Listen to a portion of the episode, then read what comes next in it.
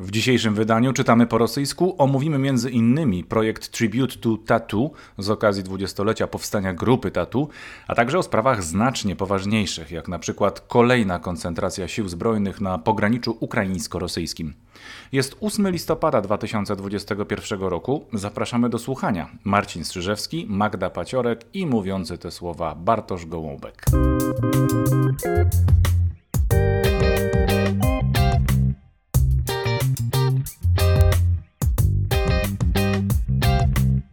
Kłaniam się wszystkim słuchaczom i Tobie, Marcinie. Dzień dobry Państwu. Bardzo nam miło, że są Państwo z nami. Dzisiaj e, zaczniemy od moich e, dwóch tematów. Przypominam Państwu, że ustaliliśmy, że wybieramy sobie e, teraz dwa tematy z ubiegłego tygodnia, które no, wydają się być interesujące, zainteresowały także być może Rosję w szerokim rozumieniu i my próbujemy się do nich odnieść, ale przede wszystkim to chyba jest główny cel naszych e, tutaj spotkań przedstawić Państwu tą różnorodność rosyjskiego życia publicznego, życia społecznego, gospodarczego. To, co mm, ja wydobyłem na powierzchnię z takich super interesujących rzeczy, to wydaje mi się, że jest no, pewnego rodzaju też dla mnie mm, sentymentalną wycieczką do kultury rosyjskiej, tej najnowszej oczywiście. Otóż być może mm, miłośnicy rosyjskiej muzyki mainstreamowej, ale nie tylko mainstreamowej, wiedzą doskonale, że w tym roku właśnie y, swoje dwudziestolecie, albo raczej nie swoje dwudziestolecie, tyle że y, y, właściwie chodzi o jubileusz.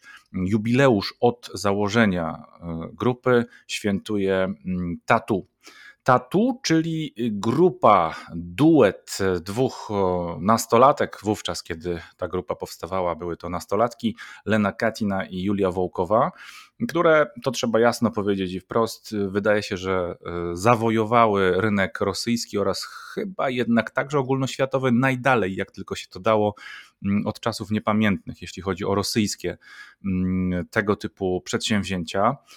Nie jest to i nie było w latach wczesnych dwutysięcznych e, zbyt powszechne, żeby tak, e, takim przebojem wedrzeć się na sceny i na płyty, tak naprawdę kompaktowe, wówczas jeszcze streamingi i różne inne internetowe mm, atrakcje tego typu nie były nam dostępne.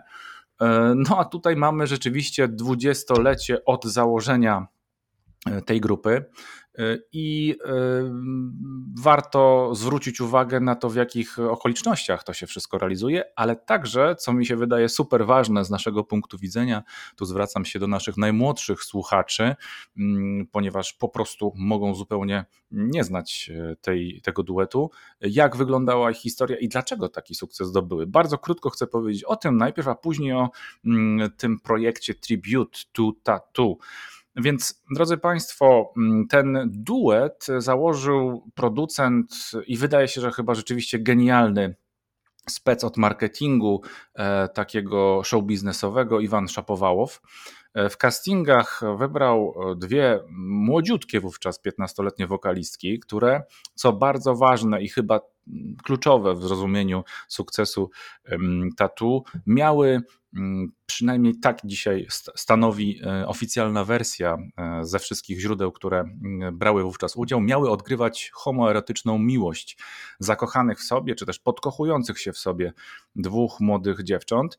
No i faktycznie widać to bardzo wyraźnie, oczywiście przede wszystkim w teledyskach, wideoklipach, które powstały wówczas we wczesnych latach 2000 dla Tatu. Grupa Tatu ma też nazwę związaną z takim specyficznym podejściem do tego mm, tematu.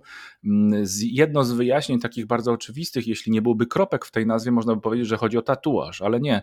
Wydaje się, że najbardziej rozpoznawalne takie rozszyfrowanie tego, tego, tej, tej nazwy to jest ta lubit tu najzwyczajniej w świecie. Ona e, e, kocha ją. No i rzeczywiście, jak na warunki, no powiedzmy też tak ówczesnego świata, jak i ówczesnej Rosji, e, bardzo dynamicznie się rozwijającej, e, bogacącej się też na oczach świata, e, w jeszcze stosunkowo silnie rozdemokratyzowanym społeczeństwie, bo tak trzeba patrzeć na te lata końcówki Borysa Jelcyna i początkowe miesiące panowania politycznego Władimira Putina, więc no, to było naprawdę coś, coś niezwykłego. Jeśli chodzi nawet o takie odwołania do świata zewnętrznego, a możemy tutaj się odwoływać spokojnie do USA przecież, no to przypomnę Państwu, że jeśli chodzi o tego typu mm, symboliczne mm, gesty, e, które wskazują na upublicznienie, czy też upubliczniają jakiekolwiek sygnały o tym, że, że miłość mm, homoseksualna jest e, po prostu taka jak każda inna, to takich e, gestów nawet w Stanach Zjednoczonych zbyt, zbyt wiele publicznie, oczywiście mam na myśli świat show biznesu, nie było, ale jest taki e, przypadek, być może to Państwo też pamiętają, że w 2003 roku Madonna i Britney Spears tak publicznie, bardzo prowokacyjnie mm, e, oddały się takiemu pocałunkowi długiemu podczas ceremonii wręczenia nagród MTV Video Music Awards. I to było już dwa trzy lata po teledysku Jasa szła z uma, bo to jest chyba kluczowy mm, z tych e, no, takich obyczajowo kontrowersyjnych dla wielu mm, produktów, e, które, które tatu zorganizowały. Myślę też rzeczywiście, że mm, pewnie dla większości z nas, kto pamięta początki tej grupy, takim e, sztandarowym utworem z całą pewnością było Nas nie dogoniat. Zresztą stał się takim ikonicznym utworem, wykorzystywanym w różnych konwencjach, takim trochę też muzycznym, powiedziałbym, memem w niektórych sytuacjach ale nie należy bagatelizować tego sukcesu, drodzy Państwo, grupy Tatu wtedy przynajmniej, w tych pierwszych latach, pięciu latach od założenia, producenci w Stanach Zjednoczonych, koncerty w Japonii. Niektórzy twierdzą, że w Japonii obok The Beatles to tylko tatu przeniknęło do muzycznej japońskiej świadomości. Nie wiem na ile to jest prawdziwe. Tutaj ukłony do japonistów, specjalistów e, od tego pięknego kraju.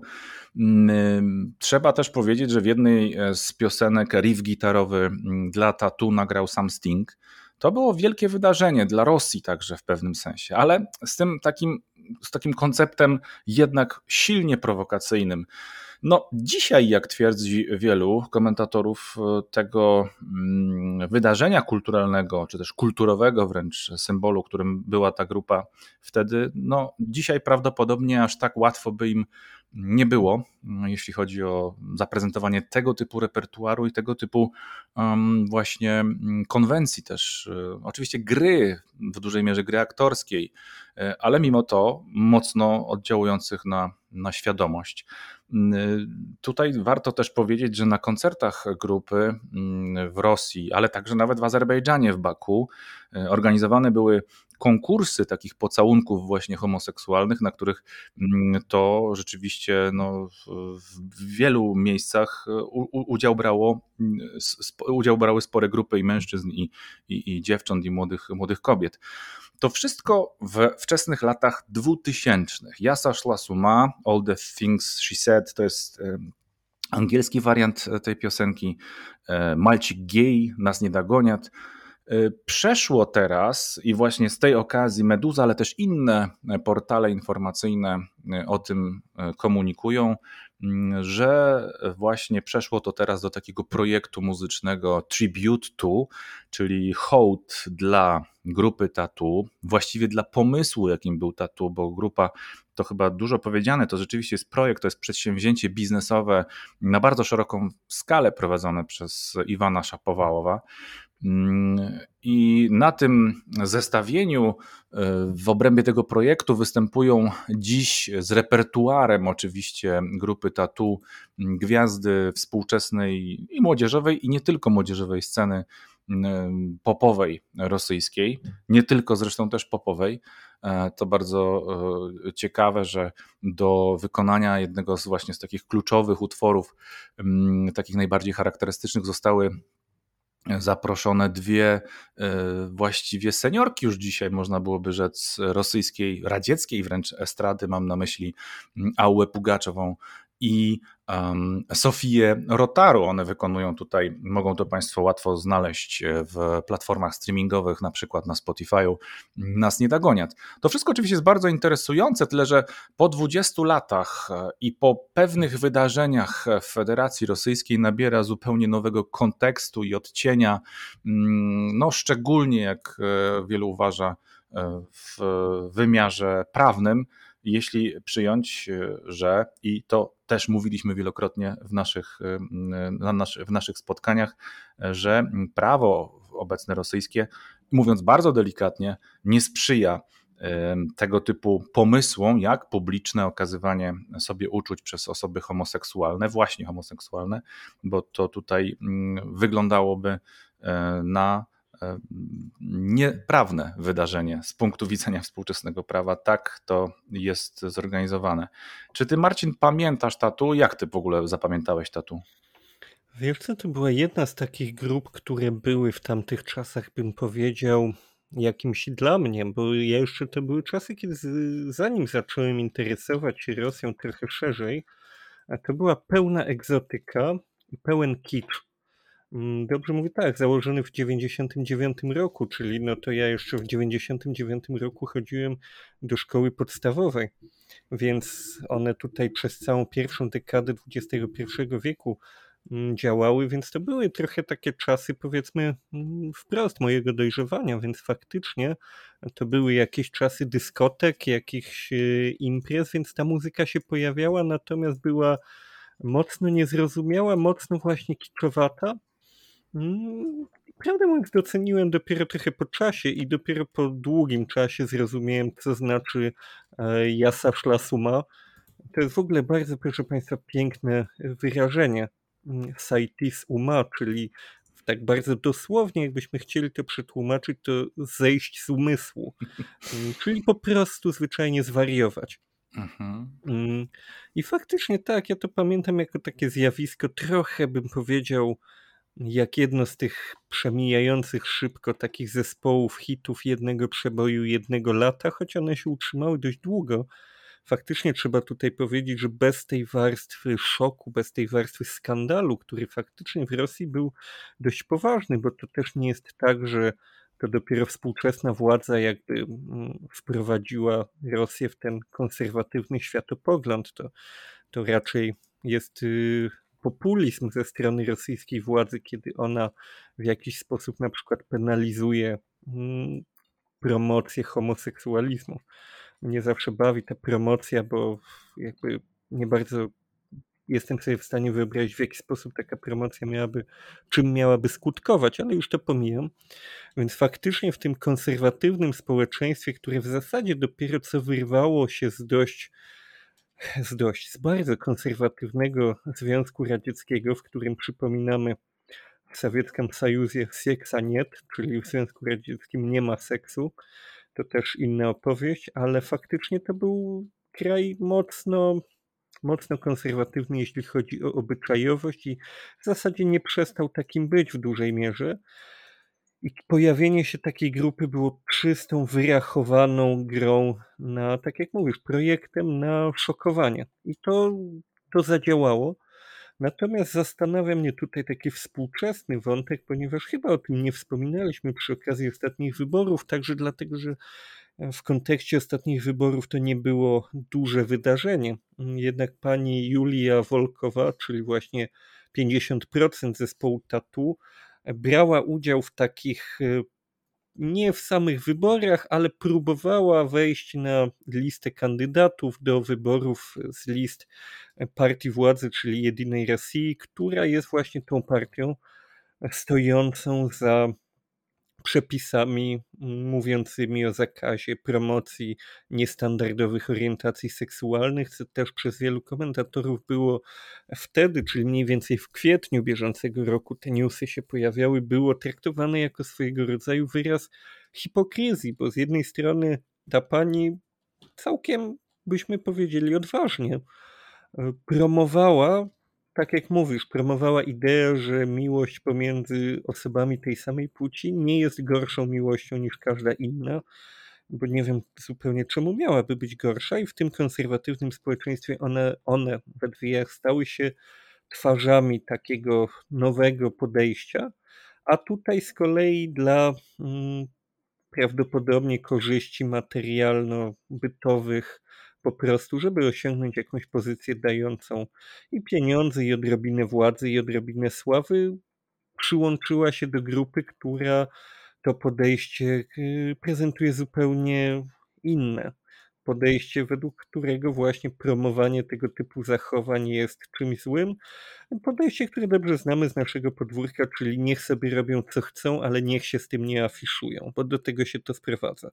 Bycie homoseksualistą w Rosji nie jest zakazane, niemniej jednak powinien on to robić dyskretnie, żeby przypadkiem kogoś nie zachęcać swoim zachowaniem do tego, żeby samemu stał się, nie daj Boże, kolejnym homoseksualistą, no bo przecież wszyscy wiemy, że tak to działa, że można się napatrzeć i no i człowiek stracony. Tak, zwłaszcza w kontekście tych czeczeńskich wydarzeń. Tutaj bym wziął w obronę trochę panią Wołkową, bo wiesz co, właśnie w tym też tkwi pewnego rodzaju historia tej grupy, bo kiedy one zostały wprowadzone do tych ról i w kilku wywiadach, e, nawet mm, słuchałem takiego długiego wywiadu, który, którego udzieliły, udzielili wszyscy twórcy tej grupy mm, Kseni Sobczak, mm, e, no to one były bardzo młodymi nastolatkami właściwie. To był pewnego rodzaju pewnie eksperyment, radość, jakaś trochę śmiechu, zabawy, E, przez, ja myślę, że tutaj ocieramy się o pewne kłopoty, trochę też z interpretacją prawa. Co prawda, ich rodzice godzili się na to niezbyt chętnie, jak twierdzą dzisiaj w, w tych rozmowach, na tego typu wizerunek, bo to był wizerunek oczywiście ustawiony. I, i, i myślę, że te, ta dzisiejsza Wołkowa wobec tej piętnastolatki wówczas to mogą być faktycznie dwie różne osoby, a zakładając jeszcze ten kontekst, wiesz, że, że one jednak symulowały to to uczucie e, homoseksualne no, mogło, mogło e, prowadzić do, do takich no, po prostu czasami nawet nadinterpretacji w ich e, rozwoju, można by rzec takim po prostu społecznym. Co ciekawe, jak twierdzą niektórzy, jakby taki kres, ostateczny kres tej, tej, tej, tej, tej idei tatu, właśnie tego, tej konwencji, miał nastąpić, kiedy mm, właśnie Julia Wołkowa zaszła w ciążę jako dziewiętnastolatka, czyli w zasadzie 4 lata po, e, po, wiesz, po, mm, po uruchomieniu tego pomysłu e, i po potężnym sukcesie już, ale nagle okazało się, że no jednak jako żywo raczej osobą homoseksualną nie jest, w co wielu pewnie e, wierzyło, wiele osób wierzyło i nie wiem na ile to jest do zweryfikowania. Ja bym czekał bardzo, bardzo z wielkim zainteresowaniem na książkę o tatu, taką poważną książkę o tatu lub film, który by pewne rzeczy wyjaśnił, bo niewątpliwie mogło być tak, że wiele osób, e, jak to czasami e, mawia o sobie środowisko LGBT żyjących w szafie, no po prostu dzięki nim mogło jakoś się trochę lepiej przynajmniej poczuć, jeśli nie wyjść z tej szafy. Wiesz, i, i to rzeczywiście jest mocno interesujący kontekst. Zobaczymy, czy to, czy, czy, czy zainteresowanie, nowe zainteresowanie wokół tatu nie przyniesie jakichś tego typu rozwiązań.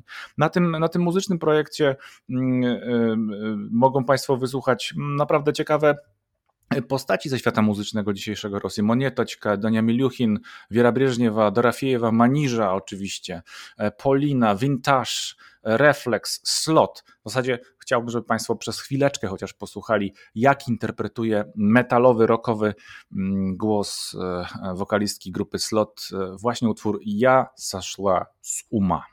Меня полностью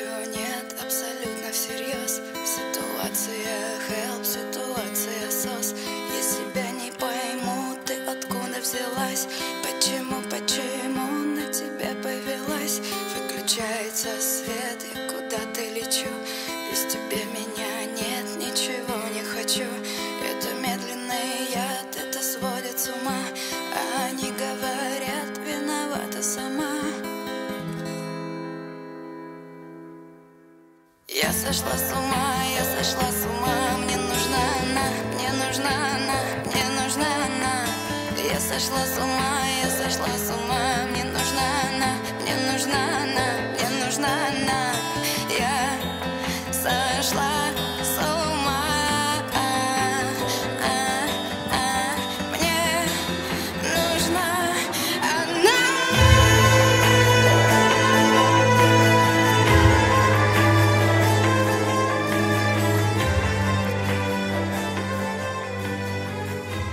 więc takie to jest brzmienie i ja przechodzę do drugiego tematu, który dzisiaj z, z, na który dzisiaj zwrócę Państwa uwagę i zwracam y, pana redaktora Strzyżewskiego uwagę. E, drodzy Państwo, y, konsul generalny Tadżykistanu w regionie, w jednym z regionów Rosji, konkretnie rzecz ujmując, jest to mm, obwód Swierdłowski, pan Zafar Sejdzoda, napisał podręcznik do historii Rosji dla Tadżyków i to mm, tą informację publikuje rosyjska gazeta. Data tego artykułu e, to 3 listopada 2021 mm, rok. Dlaczego to jest takie interesujące? No, z wielu powodów, znów to wielopiętrowy mm, kontekst, y, niezwykle mm, interesujący. Y, po pierwsze, dlatego, że mamy do czynienia z interesującym y, właśnie takim problemem, który w jakimś sensie jest problemem współczesnego zagospodarowania, zintegrowania osób migrujących do Rosji z pełną świadomością migrujących do Rosji po lepsze życie gospodarcze, ekonomiczne. Należą do tej grupy oczywiście, mówiliśmy też już kilka razy o tym w różnych konwencjach, w naszych podcastach, e, Tadżycy. Jeśli chodzi o cyfry i obwód Swierdłowski, jak podaje rosyjska gazeta, e, w samym regionie Swierdłowskim, obwodzie Swierdłowskim dokładnie rzecz ujmując, Tadżyków zarejestrowanych oficjalnie jest około 90 tysięcy. Tylko w Swierdłowskim, drodzy Państwo, 1700 osób, osób uczy się w szkołach mm, e, obwodu Swierdłowskiego o pochodzeniu tadżyckim. I mm, w tym kontekście, mm, o którym mowa w artykule, konsul e, przygotował podręcznik do historii Rosji nie bez powodu oczywiście. Y, chodzi bowiem o to, że wszyscy przyjezdni do Rosji, którzy starają się o różnego rodzaju zalegalizowanie tego e, swojego pobytu, czyli zalegalizowanie pracy, utrzymanie zgody e, lub czasowy pobyt, albo co więcej, zgodę na mm, życie, na zamieszkanie w Rosji, muszą zdać zgodnie z przepisami Federacji Rosyjskiej, a konkretnie rzecz biorąc rozporządzeniem Rady Ministrów Federacji Rosyjskiej z 31 maja 2021 roku, odnowione to jest oczywiście rozporządzenie, taki specjalny egzamin, który, na który składa się mm, sekcja językowa, czysto językowa, e, sekcja historyczna oraz sekcja, nazwijmy ją sekcją prawną. E, nie jest to wielką trudnością, żeby wyłowić, wyłuskać z czeluści runetu e, taki przykładowy egzamin. Na przykład przeprowadza go taki centralny ośrodek testowania e, obcokrajowców przy Moskiewskim Uniwersytecie Państwowym imienia Łomonosowa. Postanowiłem sobie zerknąć do takiego egzaminu i powiem Państwu, że no, na pierwszy rzut oka on jest dla osób przyzwoicie wykształconych i wystarczająco dobrze znających język rosyjski e, dosyć przystępnym egzaminem. Mówię o tym podstawowym na, mm, na zatwierdzenie, zalegalizowanie miejsca, mm, znaczy pracy w, w Rosji. No, posłużę się takim tutaj przykładem. Na jednej ze stron przykładowego testu mamy na przykład trzy flagi um, brytyjską, turecką oraz Federacji Rosyjskiej. Jak Państwo doskonale pamiętają, one naprawdę różnią się od siebie i trzeba wskazać tą właściwą, tą prawidłową. Więc nie wygląda ten test, czy też te testy zapewne. Ja patrzę na stary format, jest też cała strona takiego nowego podejścia do tego testowania. No, generalnie rzecz biorąc, te testy nie wyglądają na jakieś bardzo zaawansowane. A ciekawostką tej historii z konsulem jest to, że on napisał po prostu podręcznik, tak jakby kierował go do, do, do Rosjan właściwie. E, co interesujące, bo napisał go po pierwsze po rosyjsku, czy też przygotowany on został po rosyjsku i jak twierdzą, dosyć złośliwi, ale delikatnie złośliwi autorzy tego tekstu, a konkretnie pani Olga Miedwiediewa z Jekaterinburga przygotowała ten artykuł, więc dosyć tak uszczypliwie e, wyłuskała z tego podręcznika do historii różnego rodzaju takie, no może nie kontrowersyjne, ale na pewno dosyć interesujące stwierdzenia konsula odnośnie no, na przykład bojowej organizacji, Y, partii komunistycznej, która się przekształcała w odpowiednich momentach. No jest tam kilka, powiedzmy sobie delikatnie, kontrowersyjnych tez. Pytanie jest oczywiście, czy w ogóle taki podręcznik Tadżykom, którzy przyjeżdżają do Rosji dzisiaj do pracy jest potrzebny, czy nie lepiej skupić się jednak na właśnie edukacji w obrębie języka rosyjskiego, co jest tak bardzo potrzebne, jak twierdzi, twierdzi wielu bardzo zaangażowanych w proces inkorporowania czy też adaptowania do tego pobytu w Rosji specjalistów, choćby ze świata finansów. Konsul napisał podręcznik do historii, nie do języka rosyjskiego, co jest pewnego rodzaju zagadką, jaki był cel takiego podejścia. Znaczy tutaj bym powiedział, że państwo, które przyjmuje gości do siebie, wydaje mi się ma prawo oczekiwać w takiej sytuacji, to jest moje prywatne zdanie, że faktycznie ci ludzie będą w stanie się w jakiś sposób dopasować. Nie mówię tutaj o jakimś um, pełnym przejęciu wszystkich zwyczajów, całej kultury, bo to jest po pierwsze niemożliwe, po drugie jest to wymaganie jednak trochę um, za daleko idące. I tutaj trzeba sobie zadać pytanie, czy faktycznie znajomość historii jest tym ludziom potrzebna? Czy to jest ta, ten element, który jest tym, nazwijmy to, racjonalnym wymaganiem? Czy jest już trochę za dużo? Na pewno z punktu widzenia Rosjan, którzy swoją historię traktują bardzo poważnie, może się wydawać, że faktycznie to jest jakaś podstawa podstaw, że zrozumienie tej historii jest czymś, co faktycznie jest konieczne, żeby taki człowiek funkcjonował w ich społeczeństwie. Mm, to jest na pewno do pewnego stopnia przesada. Nie musimy znać daty, dokładnej daty rocznej rozpoczęcia potopu szwedzkiego, żeby żyć w Polsce, prawda? Ja, prawdę mówiąc, sam nie pamiętam. No, połowa XVII wieku, ale, ale to się nie przydaje na co dzień i w normalnych, codziennych rozmowach z Polakami nikt y, nie podaje takich dat, nie rozmawia na takie tematy Mm, jesteśmy już trochę na takie tematy historyczne znieczuleni, bo po prostu są na tyle oczywiste, że po co na, na ich temat dyskutować. Myślę, że w Rosji jest w dużej mierze podobnie. Więc pytanie, jak, w jakim stopniu ta historia byłaby tu wykładana, bo faktycznie znajomość chociażby tego, jakie kwestie dla Rosjan są emocjonalnie istotne, wydaje się sensowna. Sam, gdybym zamieszkał w obcym kraju, chciałbym poznać te podstawy historii, choćby właśnie po to, żeby uniknąć różnego typu gaf, żeby uniknąć śmiania się z rzeczy, które są traktowane przez mm, moich, y, powiedzielibyśmy, gospodarzy jako święte, jako ważne, istotne z ich punktu widzenia. Więc to ma jakieś swoje podstawy. Tutaj nie przekreślałbym sensowności tego całkowicie, ale na pewno też nie przesadzałbym z istotnością tego typu tematów, bo faktycznie są tematy znacznie ważniejsze. Język na pewno jest tutaj ważniejszy, bo co z tego, że ktoś zna tę historię, umie sobie porozmawiać wspólnie, podyskutować na temat roli Aleksandra Newskiego w historii Rosji, jeśli nie umie się tego powiedzieć po rosyjsku. Z żadnym Rosjaninem w takim przypadku się na ten temat nie porozumie.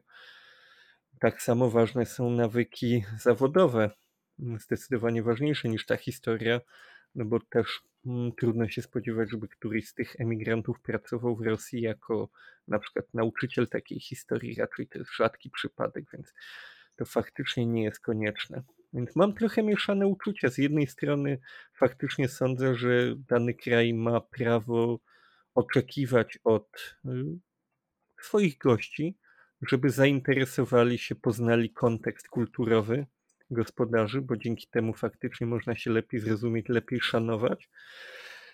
A z drugiej strony faktycznie nie jest to kwestia najistotniejsza, więc tutaj pytanie brzmi, na ile faktycznie na przykład nieznajomość takiej historii często spotyk- staje się pretekstem dla odmowy na przykład prawa do pobytu takiego człowieka w Rosji. Bo faktycznie o ile uważam, że tacy ludzie powinni liznąć tej historii, tak nie powinno to być chyba warunkiem przyjmowania lub nieprzyjmowania człowieka w danym kraju. To jest e, na pewno jeden z wielu elementów tej układanki, a mm, pan konsul Tadżykistanu być może chciał mm, zainteresować też swoich współobywateli przybywających do Rosji mm, tym, że no właściwie warto wielowymiarowo poznawać kraj, do którego zmierzają, bo ciekawostką może być już dzisiaj też dla nas wszystkich taki fakt, że rzeczywiście coraz większa grupa młodych i relatywnie tych najmłodszych przybyszów z Azji Środkowej do Rosji o tym państwie może mieć już coraz słabsze wyobrażenie. I my możemy tego oczywiście nie dostrzegać e, stąd, e, z Europy, ze środka Europy, a myślę, że doświadczają tego na co dzień właśnie obywatele Federacji Rosyjskiej, którzy no, przyjmują i obcują z tymi, z tymi gośćmi, którzy wykonują bardzo dużo y, niezbędnych często, a często wyłącznie niezbędnych, wyklucza, nie, nie, po prostu najważniejszych prac, których no, rzeczywiście nie podejmują albo niechętnie podejmują Rosjanie. Y, Marcinie, y, zapraszam Cię do, do głosu. Mikrofon jest Twój. Dziękuję Ci pięknie. Zacznę swój blok tematyczny od tematu, który wydaje się groźny. Otóż pod koniec października The Washington Post, a później Politico informowało o nagromadzeniu rosyjskich wojsk na granicy z Ukrainą. I tutaj od razu zacznijmy może od tego, że faktycznie mielibyśmy tutaj do czynienia z pewną powtórką z rozgrywki, ponieważ nie tak dawno konkretnie na wiosnę tego roku już mieliśmy bardzo podobne doniesienia mówiące o tym, że faktycznie kolejne jednostki wojskowe armii rosyjskiej pojawiają się na granicy z Ukrainą, zbierają się, być może szykują się do jakiegoś rozstrzygnięcia. I tutaj oczywiście ważny jest jak zawsze, bo kontekst jest zawsze kluczowy, mm, kontekst polegający na sytuacji na rynku, na rynku gazowym, Otóż mamy do czynienia w tej chwili z końcówką mm, budowy gazociągu Nord Stream 2 i tutaj, jak Państwo zapewne mm, śledzicie temat od bardzo dawna, bardzo wiele krajów, w tym Polska, dość głośno ostrzega o tym, że w momencie, w którym gaz będzie mógł płynąć do Europy Zachodniej, czyli do najważniejszego rosyjskiego klienta, z ominięciem Ukrainy, to w tym momencie mm, pojawi się dla Kremla, dla Władimira Putina możliwość, by dokonać dalszej agresji na właśnie Ukrainę bez zagrożenia jakimiś poważnymi sankcjami, no bo faktycznie budżet Rosji, Federacji Rosyjskiej jest mocno uzależniony od sprzedaży gazu.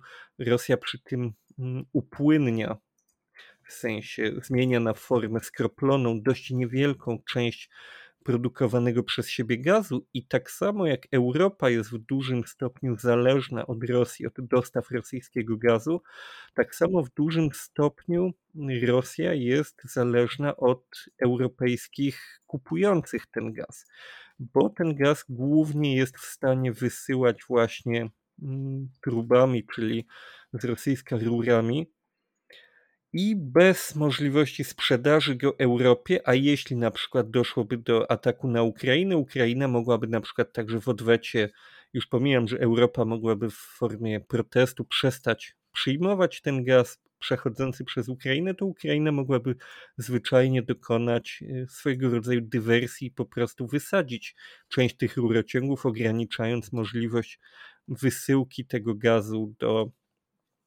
do głównych kontrahentów Rosji, więc pojawiło się takie zagrożenie, takie odczucie, że być może teraz, kiedy ta sytuacja na rynku gazowym, jeszcze przy zwiększonych cenach, przy pustych zbiornikach mm, europejskich, czy może nie pustych, ale jednak nie tak pełnych, jakby Europa chciała, że możliwe, że właśnie to jest ten moment, w którym faktycznie dojdzie ostatecznie do dalszej ekspansji Rosji na tereny ukraińskie. Sam, prawdę mówiąc, rozważałem ten temat, rozważałem, czy to nie jest ten moment, w którym faktycznie Rosja posunie się trochę dalej, przy czym takie trochę dalej może tutaj, pozwolę sobie jeszcze podywagować, może y, oznaczać wiele różnych rzeczy.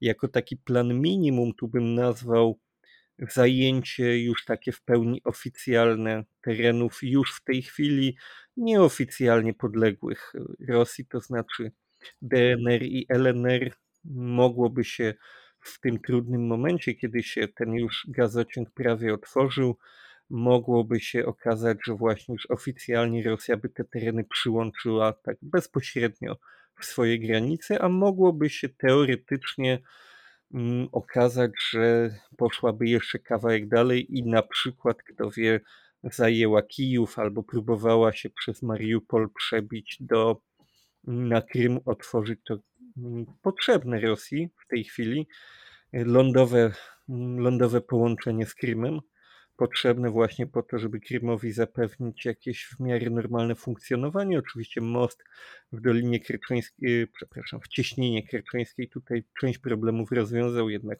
taki lądowy korytarz na pewno by pomógł, więc tego typu rozwiązania wydawały się gdzieś nadchodzić. Niemniej jednak tutaj ja natrafiłem na to przez za pośrednictwem rosyjskiego portalu Komersant, który cytuję, powołuje się na mm, taką telewizję, która się nazywa DOM. To jest ukraiński projekt agencji prasowej Ukrinfo.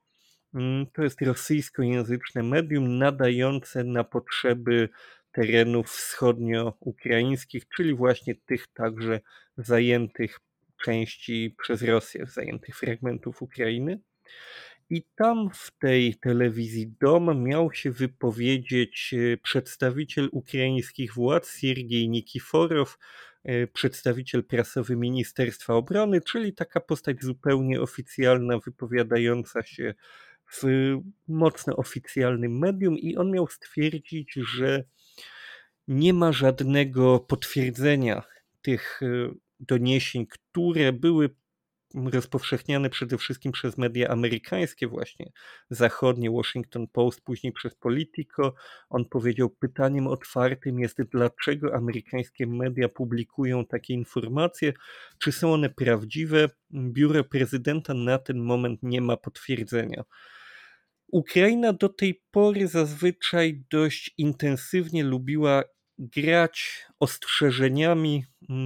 Właśnie często ze strony ukraińskiej pochodziły te ostrzeżenia, które mówiły już, już niedługo Rosja pójdzie dalej, zaatakuje, musimy być czujni, musimy uważać, bo w tej chwili jest właśnie, istnieje zagrożenie agresji ze strony Rosji, więc jeśli w tej chwili strona ukraińska oficjalnie uspokaja, możemy faktycznie uznać, że prawdopodobnie nic konkretnego złego się nie dzieje, bo gdyby tylko do tej pory przynajmniej nasze doświadczenia podpowiadają, że gdyby istniały jakieś choćby podejrzenia takiego zagrożenia, to strona ukraińska do tej pory przy takich sytuacjach dość głośno starała się i wyraźnie mówić, że faktycznie zagrożenie istnieje. Więc możemy się czuć do pewnego stopnia uspokojeni. Co oczywiście nie oznacza, że sytuacja nie zostanie w późniejszym terminie znowu w jakiś sposób y, podgrzana, że znowu się podobne sytuacje nie wydarzą, że nie pojawi się kolejny rok 2014. Niemniej jednak w tej chwili, w tej dość nieprzyjemnym momencie, w którym faktycznie taka wizja szantażu energetycznego, wizja wykorzystania Nord Stream 2 jako broni teoretycznie mogłaby się wydawać realna, że w tej chwili strona ukraińska tych obaw nie potwierdza, więc jak najbardziej jest to pozytywne. Dodam jednak przy tym jeden ciekawy wątek. Otóż w Politico, które faktycznie publikowało mm, zdjęcia satelitarne wojsk rosyjskich, tych zgrupowań wojsk rosyjskich, tam się pojawiła taka wiadomość, że te zgrupowania były widziane w pobliżu miejscowości Jelnia. I to jest o tyle ciekawe, że nie znajduje się ona na dobrą sprawę, choć tam była także mowa o innych miejscowościach, o Briańsku i Kursku, które już tutaj są jak najbardziej bliskie granicy ukraińskiej, to jednak Jelnia jest zdecydowanie bliżej położona granicy mm, białoruskiej. I tutaj faktycznie pojawia się zupełnie nowy wątek, ponieważ doskonale wiemy i śledzimy, przynajmniej my we dwóch, ale myślę, że Państwo także wydarzenia na granicy polsko-białoruskiej, bardzo smutne wydarzenia na bardzo wielu płaszczyznach. Ja tutaj nie chcę absolutnie wdawać się w ten konflikt, y, kto ma rację, po czyjej stronie stoimy, czy po stronie migrantów, czy po stronie mm, naszych pograniczników, bo jedni i drudzy są uwikłani w paskudną sytuację, która tak naprawdę nie jest winą ani pograniczników, ani samych migrantów. To jest cyniczna gra ze strony reżimu Łukaszenki, z którą my jakoś sobie powinniśmy radzić, czy sobie radzimy dobrze, czy niedobrze, to tak jak mówię, nie chcę się w to wdawać. Na to przyjdzie czas, kiedy ta sytuacja się jakoś rozwiąże. Niemniej jednak nie tak dawno mm, prezydent Łukaszenka straszył mm, swoich obywateli, mówiąc, że Polska przesuwa swoje czołgi blisko granicy, żeby radzić sobie z kryzysem migracyjnym, co jest e, kwestią, bym powiedział, absurdalną, bo broń pancerna nie ma żadnego związku z tego typu kryzysami na granicach. Ona jest w ogóle narzędziem przeznaczonym we współczesnej doktrynie wojennej do zupełnie innych działań. Niemniej jednak tam padły ze strony prezydenta Łukaszenki takie słowa, że oni, w sensie białoruska armia, także ma co przesunąć na granicę, a już strona rosyjska, która oczywiście ich wspiera, to już w ogóle ma środki, które może, którymi może te granice wzmocnić.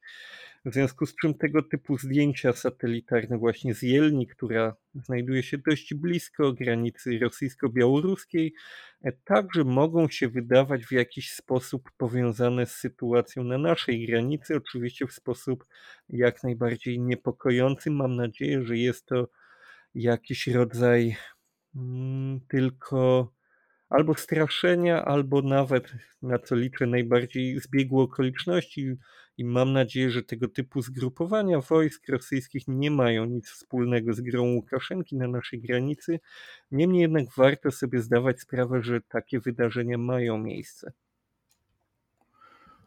To bardzo poważne kwestie, które teraz poruszamy rzeczywiście.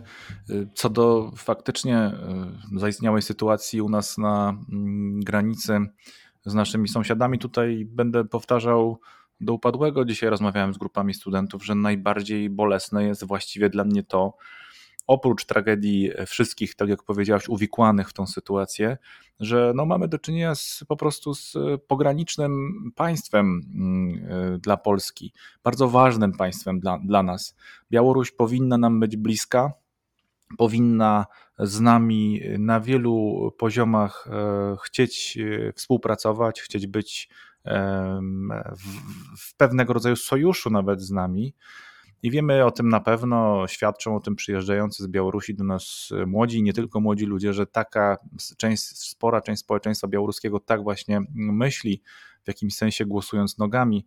No ale e, wiemy też doskonale, że w obecnym e, układzie politycznym w tym państwie tego dyktatu, y, który nie odchodzi, no nie mamy możliwości po prostu mm, na współdziałanie. Nie potrafimy tego y, też na tym etapie rozstrzygnąć w jakimś sensie na, na naszą korzyść, co oczywiście jest tym bardziej przykre dla wszystkich, którzy dzisiaj na przykład, e, jako biegły informacje, docierające do nas no, dążyli ku granicy z Polską w, w potężnej grupie, stymulowani przez e, białoruskich nieoznakowanych zresztą żołnierzy. Z tym, że tutaj też ważne zastrzeżenie, na koniec tego wątku on się okazał tutaj u nas ważny, bo jest ważny, trochę poboczny przy okazji ukraińskiego. Mm, no warto przypomnieć jeszcze raz, że e, nie mamy miarodajnych, pełnych i jednoznacznych informacji w tej sprawie od polskich dziennikarzy. E, wciąż nie są tam dopuszczani, y, nad czym ja osobiście bardzo ubolewam. Jestem niemalże przekonany, że mądra, e, umiejętna oprawa medialna tych wydarzeń ze strony polskich mediów przez wybitnych i doświadczonych naprawdę dziennikarzy mogłaby po prostu tylko pomóc tej sprawie. Nie widziałbym tutaj żadnych zagrożeń. Mówiliśmy o tym zresztą już dosyć dawno temu, niestety, co też przykre, że ten, że ten e, kryzys ciągnie się aż tak długo. Wracając na Ukrainę zaś, co do mm, tych kwestii, o których mówiłeś, mm, ja sięgnąłem sobie przy tej okazji do takiego no, znanego, lubianego i ważnego portalu ukraińskiego, e, medium ukraińskiego, który z języka rosyjskiego nie będę się silił na czytanie tytułów w języku ukraińskim, Państwo wybaczą. Po, po rosyjsku jego tytuł brzmi Zierkalo mm, e, niedzieli, czyli mm, lustro mm, tygodnia, można byłoby tak przełożyć. Więc tutaj ZNUA ma oczywiście, jak wiele mediów ukraińskich, taki specjalny dział. Ja mam otwartą stronę ZNUA w języku rosyjskim. po prostu go lepiej znam, e, wojska Rosyjskiej Federacji u granic Ukrainy. I postanowiłem sobie otworzyć oczywiście ten specjalnie wydzielony, tą specjalnie wydzieloną zakładkę. I nie jest oczywiście dla nas z Marcinem, o czym przed chwilą mówiłeś, zaskoczeniem e, też e, pewnego rodzaju niespodzianką, że ten dział uzupełnia się regularnie. Przypomnę, zatytułowany jest on tłumacząc na polski wojska Rosji przy granicach z Ukrainą, ten dział zapełnia się treściami już od kwietnia tego roku. I właściwie nie ma e, tygodnia, może przesadzam, ale na pewno nie ma e, miesiąca, to już z całą pewnością, w którym nie można byłoby tutaj dołożyć dodatkowych informacji w tym mm, właśnie kontekście. One mają bardzo różnorodny charakter. E, oczywiście, generalnie też przede wszystkim chodzi tutaj o bezpieczeństwo tych terytoriów pogranicznych. No a jak docieramy do tych dzisiejszych, najświeższych wydarzeń, to chcę też przypomnieć, może to gdzieś tam umykało uwadze nawet Federacji Rosyjskiej w mediach, bo ja akurat nie zwróciłem na to uwagi jakoś tak bardzo wyraziście, ale też nie, nie ukrywam, nie, nie szukałem specjalnie. E, chodzi bowiem o to, że mm, przy tej okazji takiego specyficznego ujawnienia, ujawnienia tej, tej, tej, tej, tego kontekstu um, przez Stany Zjednoczone. Mm, w ubiegłym tygodniu do Moskwy został wysłany i z tego, co przynajmniej te media, które zdołałem przejrzeć, y, o tym informowały i potwierdziły, szef CIA, mm, czyli jeden z ważniejszych ludzi w administracji e, prezydenckiej, Bill Burns, e, przyleciał do, do Moskwy na Kreml, aby mm, osobiście poinformować władze mm, w Moskwie, że Stany Zjednoczone uważnie monitorują mm, sytuację, E, związaną z właśnie, tutaj pada to takie interesujące słowo, narasiwanie wojsk. Mm, od razu chcę Państwu powiedzieć, że Magda Paciorek przygotowała o tym słowie mm, krótki taki ekskurs językowy, więc mm, proponuję, żebyśmy tego wspólnie posłuchali e, i zaraz wrócimy jeszcze do tego kontekstu na temat e, gromadzenia się wojsk rosyjskich przy granicach z Ukrainą.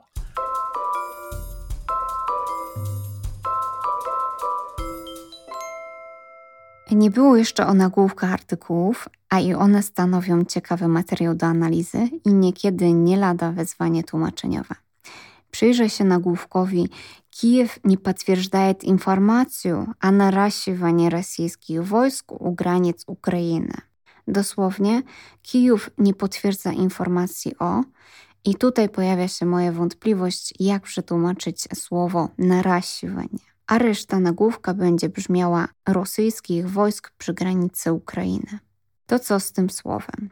W języku codziennym występuje często w takim połączeniu narasiwanie rysnic, narasiwanie walos, czyli przedłużanie rzęs czy włosów.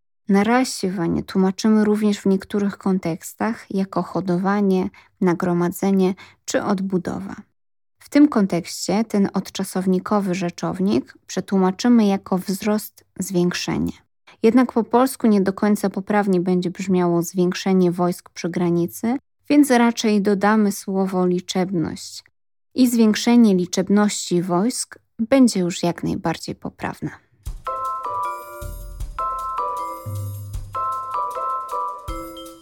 Więc y, faktycznie ta wizyta w Moskwie Bernsa mogła być taką jednoznacznym, takim jednoznacznym potwierdzeniem, że różnego rodzaju aktywności, regularnie zresztą podejmowane przez armię Rosji e, w okolicach granic e, ukraińskich będą e, po prostu przynajmniej monitorowane. No ale tutaj mieliśmy do czynienia z kilkoma co najmniej takimi dziwnymi też wystąpieniami samego prezydenta. Jak pamiętam w ubiegłym tygodniu, akurat tego nie mam teraz otwartego nigdzie w żadnej z zakładek, e, które śledzę, ale była taka sytuacja, w której mm, e, była mowa na jednej z konferencji prasowych e, o mm, statku mm, wojennym amerykańskim, który albo jest śledzony, jak się wyraził, znany z takiego dosyć ostrego czasami języka Władimir Putin albo jest śledzony przez e, peryskopy, albo prze, e, przez celowniki, więc tutaj cały czas mm, język przynajmniej, e, który mm, towarzyszy tym wszystkim wydarzeniom, to jest język konfliktu, napięcia i pewnego rodzaju, no rzeczywiście niepokojącej eskalacji. Oby ona nie miała faktycznych podstaw. Słynne powiedzenie mówi: chcesz, chcesz mieć pokój, to szykuj się do wojny, więc tutaj myślę, że Ukraina prowadzi tego typu właśnie grę. Zdecydowanie jest to kraj, który niewiele ma innych y, możliwości niż prowadzić jakąś grę, bo jest krajem dość słabym, mm, dość mało zaangażowanym w politykę międzynarodową, tak jak na przykład Polska w NATO, w Unię Europejską, mm, ma niedużo twardych sojuszników, twardych takich, z którymi faktycznie wiążą ją układy, które by wymagały od tych sojuszników faktycznej pomocy, więc oni naprawdę mają niewiele niewielkie pole manewru, więc faktycznie w jakąś grę grać muszą, jeśli chcą przetrwać. Na pewno będziemy śledzili tą sytuację, niemniej cieszy, cieszy że w tym momencie faktycznie y, żadne dodatkowe, niespodziewane, nadprogramowe skupienia tych wojsk nie są obserwowane przez nich, bo być może to faktycznie oznacza, że jeszcze jakiś czas ten kraj, przynajmniej jeszcze jakiś czas pożyje w spokoju i mam nadzieję, że to potrwa jak najdłużej i docelowo, żeby ta sytuacja konfliktowa mm, po prostu się w którymś momencie rozładowała. Niemniej teraz mam dla Państwa jeszcze jedną informację i ta informacja zacznę od tego, co na pewno Państwa zdenerwuje, wręcz y, rozzłości. Ja zacznę to w ten sposób. Średnia cena benzyny w Rosji to około 2,80 zł w przeliczeniu za litr. E, jak Państwo rozumiecie, to jest około no już ponad dwa razy taniej niż w Polsce, co wydaje się sytuacją komfortową. Niemniej jednak także w Rosji pojawiły się problemy związane z tym, że te ceny rosną. Rosną w sposób, który jest oczywiście bolesny dla rosyjskich portfeli. Ogólnie inflacja w Rosji jest wysoka jeszcze trochę wyższa niż polska, już ta polska inflacja jest, ujmijmy to tak, nie jest powodem do zachwytu i dumy z działań mm, naszego, naszego banku centralnego i stanu gospodarki. Wolelibyśmy, żeby była jednak mniejsza. Od początku roku ceny paliw w Rosji wzrosły o niecałe 7%. To nie jest jeszcze liczba potężna na rynkach europejskich, te wzrosty są większe.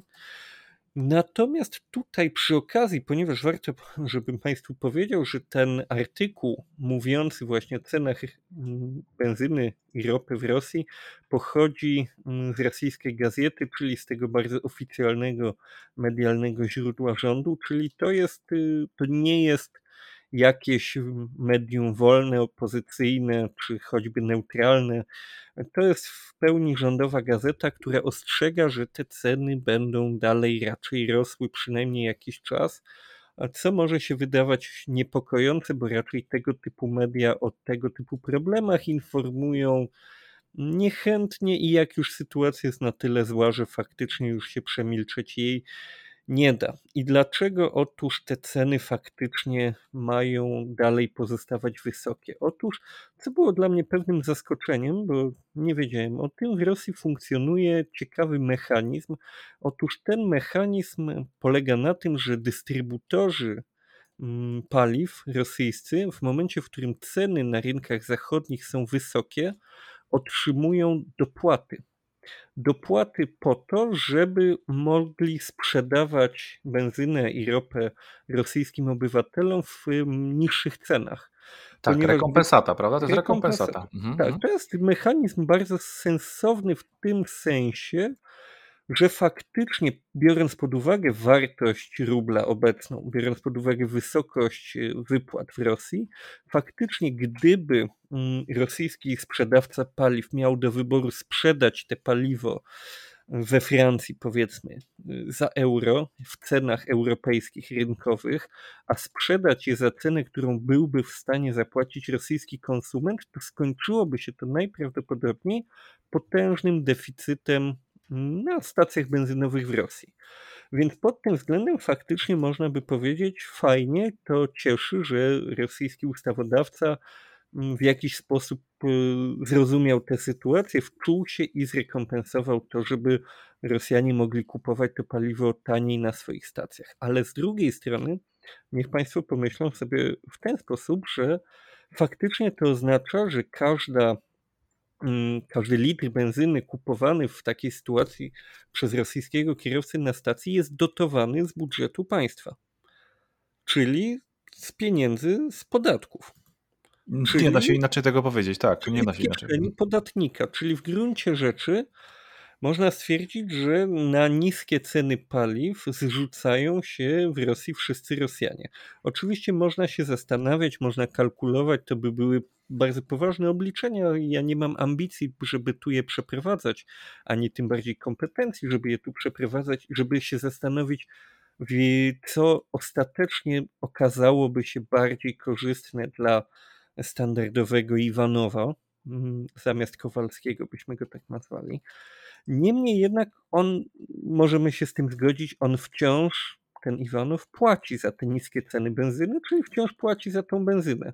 Czy mniej, czy więcej, to już jest kwestia do ustalenia, niemniej jednak coś mi podpowiada, że y, jakieś prawo zachowania rubla tutaj mogłoby funkcjonować i że ostatecznie po prostu to wychodzi na mniej więcej to samo. Więc jest to jakiś rodzaj populizmu, ponieważ na pewno jest to po prostu płaci mniej więcej tyle samo, ale tego nie widzimy, to jest ukryte. Więc jest to w, w, pewnym, w pewnym stopniu pewnie łatwiejsze do przełknięcia dla obywatela, bo on tego nie widzi. On sobie często może nawet nie zdawać sprawy, że on sam sobie funduje niskie ceny takiego paliwa. Jest to bardzo ciekawy mechanizm. Natomiast jeszcze jeden wątek tutaj się pojawił ciekawy. Otóż e, rosyjska gazeta mm, zacytowała panią Annę Liszniewiecką, która pracuje w firmie IG Petromarket i ona stwierdziła bardzo ciekawą rzecz. Otóż stwierdziła, że mm, stacje benzynowe w Rosji w tej chwili, i to zaraz powiem od kiedy, nie zarabiają na sprzedaży paliwa. Że benzyna 92 popularna w Rosji, my mamy 95 i 98, tam takie standardy to jest 92 i 95. I ta 92 ma przynosić straty już od stycznia tego roku, a 95 od czerwca. Przy czym diesel chwilowo ma pozwolić na Mm, ma wychodzić na zero. Czyli, że stacje benzynowe sprzedając diesla po prostu nie, nie tracą, nie zarabiają. Mogą zarabiać na hot dogach co najwyżej, prawda? Na hot dogach, na kawie, tak. To też mhm. obserwujemy, to też jest u nas e, ciekawa sytuacja. Nie jest to dokładnie wyjaśnione, mm, dlaczego pojawiła się taka, przyznam, dość dziwaczna sytuacja na rynku, bo faktycznie e, rzadko się z tym spotykamy, żeby firmy sprzedawały towar mm, z tym ubytkiem, ze stratą, po polsku mówiąc. Mm, nie do końca przyznam to rozumiem. Jest to swojego rodzaju dziwaczna sytuacja.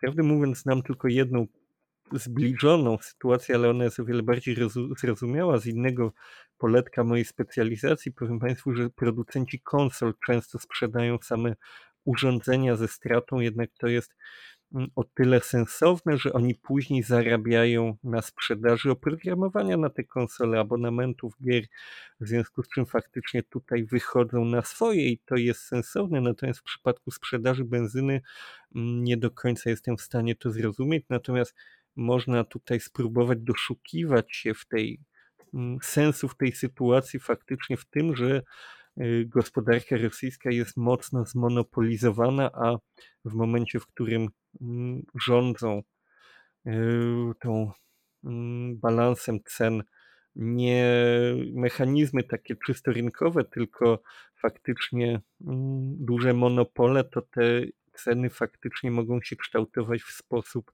nie do końca zrozumiały, nie do końca taki, jakich byśmy się spodziewali, ponieważ ktoś po prostu podjął decyzję arbitralną, że ta cena powinna wynosić tyle i tyle, a nie jest to regulowane przez popyt i podaż. Jeśli mnie intuicja nie myli, mm, a nie chcę się tutaj specjalnie wymądrzeć, bo też się nie znam tak jak i ty, tak precyzyjnie na gospodarczych mechanizmach, to to, to o czym powiedziałeś, te, te, te, te dopłaty, czy też rekompensata, y, ona przypomina trochę mechanizm dumpingowy. Mm, jeśli są wśród naszych słuchaczy eksperci gospodarczy, e, a wierzę, że tacy wśród Państwa są, to zapraszamy do kontaktu. Chętnie się dowiemy, jak to faktycznie funkcjonuje. Może i na polskim rynku coś takiego mamy, o czym możemy nie wiedzieć przecież. Zapraszamy do kontaktu e, na przykład na skrzynkę mailową sprawy.wschodu e, małpa gmail.com. Mile widziane różnego rodzaju komentarze, choćby na temat tego właśnie specyficznego mechanizmu rynkowego, o którym mówił Marcin Strzyżewski przed e, chwileczką, a dotyczy on rynku paliw tak bardzo rozpalonego teraz u nas w Polsce, e, żeby tą rozpaloną atmosferę cen inflacyjnych, e, szokowych rozstrzygnięć troszeczkę wychłodzić, to chcę Państwu powiedzieć, że z tego samego działu, tej samej gazety Autopark, rosyjska gazeta, dzisiaj wyszedł pierwszy taki intensywny komunikat dla e, miasta Moskwa, GIBDD, czyli Główny Zarząd Bezpieczeństwa Ruchu Drogowego, tak byśmy o nim mogli powiedzieć, taka agenda e, policyjna, zwraca się do wszystkich moskiewskich automobilistów, aby natychmiast, jak można szybko, wymienili opony na zimowe, e,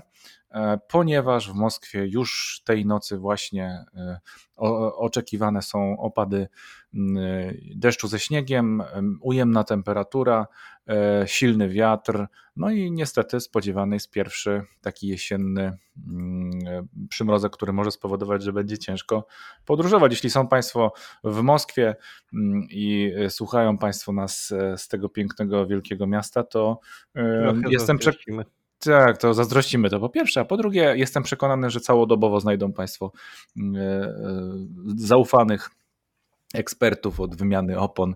Ja zresztą zachęcam Państwa już też do wymiany opon.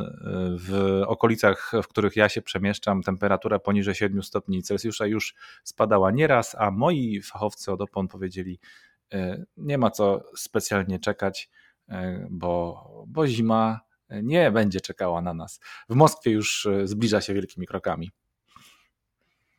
No i drodzy Państwo, e, jeśli jesteśmy już e, po analizie rynku paliw, po sprawdzeniu jak wyglądał dwudziestolecie grupy Tatu, rozmawialiśmy dzisiaj o historii mm, Rosji w kontekście podręcznika napisanego przez konsula, jak zwykle szeroki wachlarz spraw, Tacy właśnie jesteśmy, więc serdecznie zapraszamy do słuchania mm, nas regularnie. Czytamy po rosyjsku, czyli przegląd prasy rosyjskiej z ubiegłego tygodnia, jak zwykle, a to był tydzień, e, jeśli mnie e, tutaj wzrok nie myli, 44. Omawialiśmy e, zjawiska z 44 tygodnia roku 2021. Ja nazywam się Bartosz Gołąbek i był ze mną Marcin Strzyżewski. Do usłyszenia. Dziękuję Państwu pięknie.